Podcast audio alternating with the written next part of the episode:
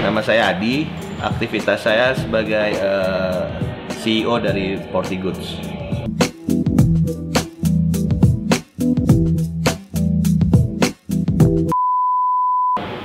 Porty Goods itu eh, filosofinya pertama saya ngambil dari nama peta dunia. Eh, salah satu ada sebuah kota tuh menurut saya bagus banget dari Inggris dan waktu itu orang taunya port. Saya merasa itu kayak tempat buat saya lah gitu. Terus kayak goods awalnya saya mau bangun soalnya kayak bukan cuma brand sepatu tapi kayak based on uh, apa ya kayak aksesoris semestinya untuk lengkap tapi akhirnya jalan ke sini kita kayaknya lebih uh, apa namanya apa lebih konsen di di persepatuan gitu walaupun next ke sana bakal banyak project untuk ngelengkapin itu juga gitu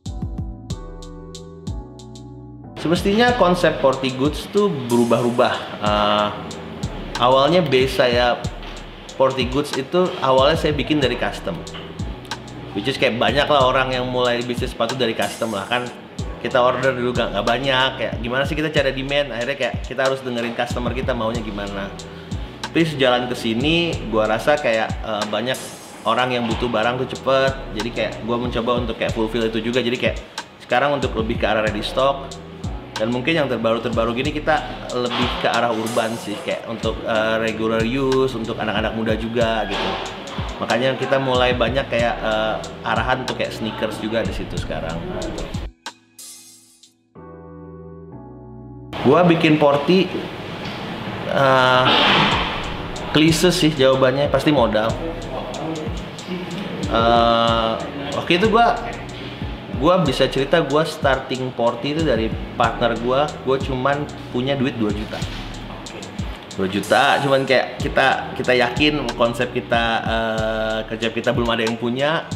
Konsep kita itu fresh terus kayak eh, kita punya produk knowledge juga. Jadi gimana cara mengemas si produknya akhirnya bisa sampai kayak sekarang gitu. Tapi ya akhirnya ya ber- be- apa sih berjalan dengan waktu ya kayaknya konsep dan semua diterima pasar jadi kayak sampai sekarang gitu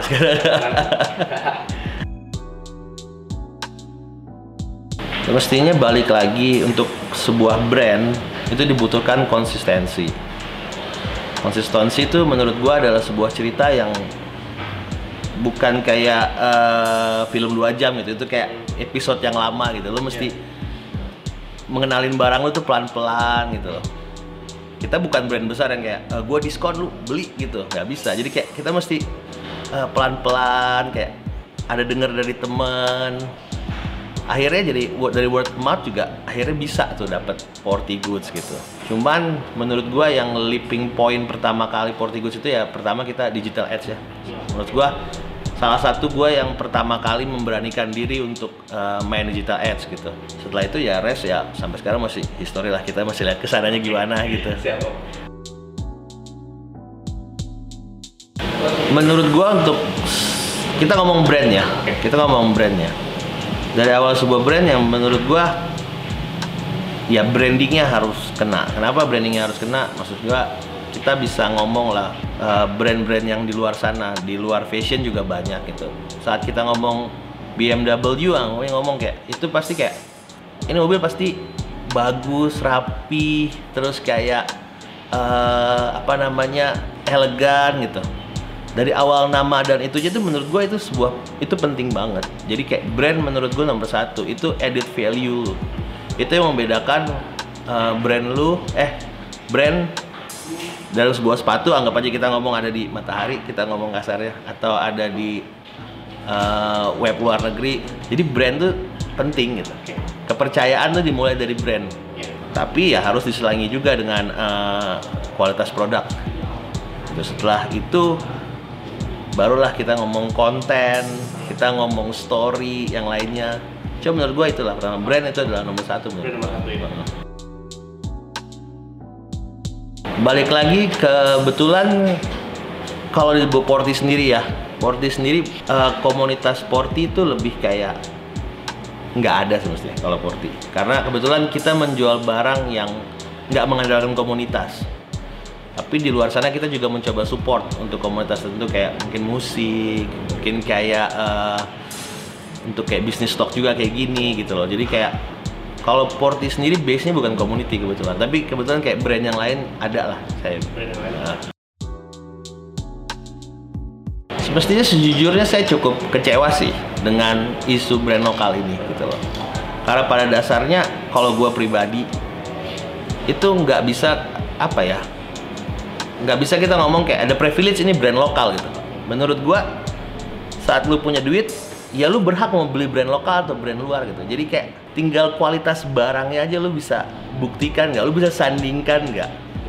Gitu loh. Jadi kayak kalau gue secara untuk kayak privilege stigma brand lokal gue sendiri nggak terima gitu. Jadi kayak brand lu kualitas lu dan storynya itu yang bikin orang beli barang ya bukan brand lokal yang menurut gue gitu. Nah itu menurut gue penting sih untuk kita ngomongin bisnis stock ini. Menurut gue gini uh, gimana sih cara keluar dari masa susah bisnis gitu semestinya itu adalah ujian buat lu ujian buat lu bahwa apakah lu di memang cocok nggak sih terjun di dunia ini? Karena menurut gua gini, saat passion lu di sana, uh, hard times itu jadi ujian lu untuk naik kelas. Itu untuk ngebuktiin bahwa diri lu bahwa kalau gua ngelewatin ini, gua bakal bisa sejauh mana gitu. Karena menurut gua kayak ada orang yang bisnis clothing kayak dua tahun terus kayak rugi emangnya kayak gue maju atau enggak apa gue kerja atau enggak. Menurut gue itu sebuah challenge-nya gitu.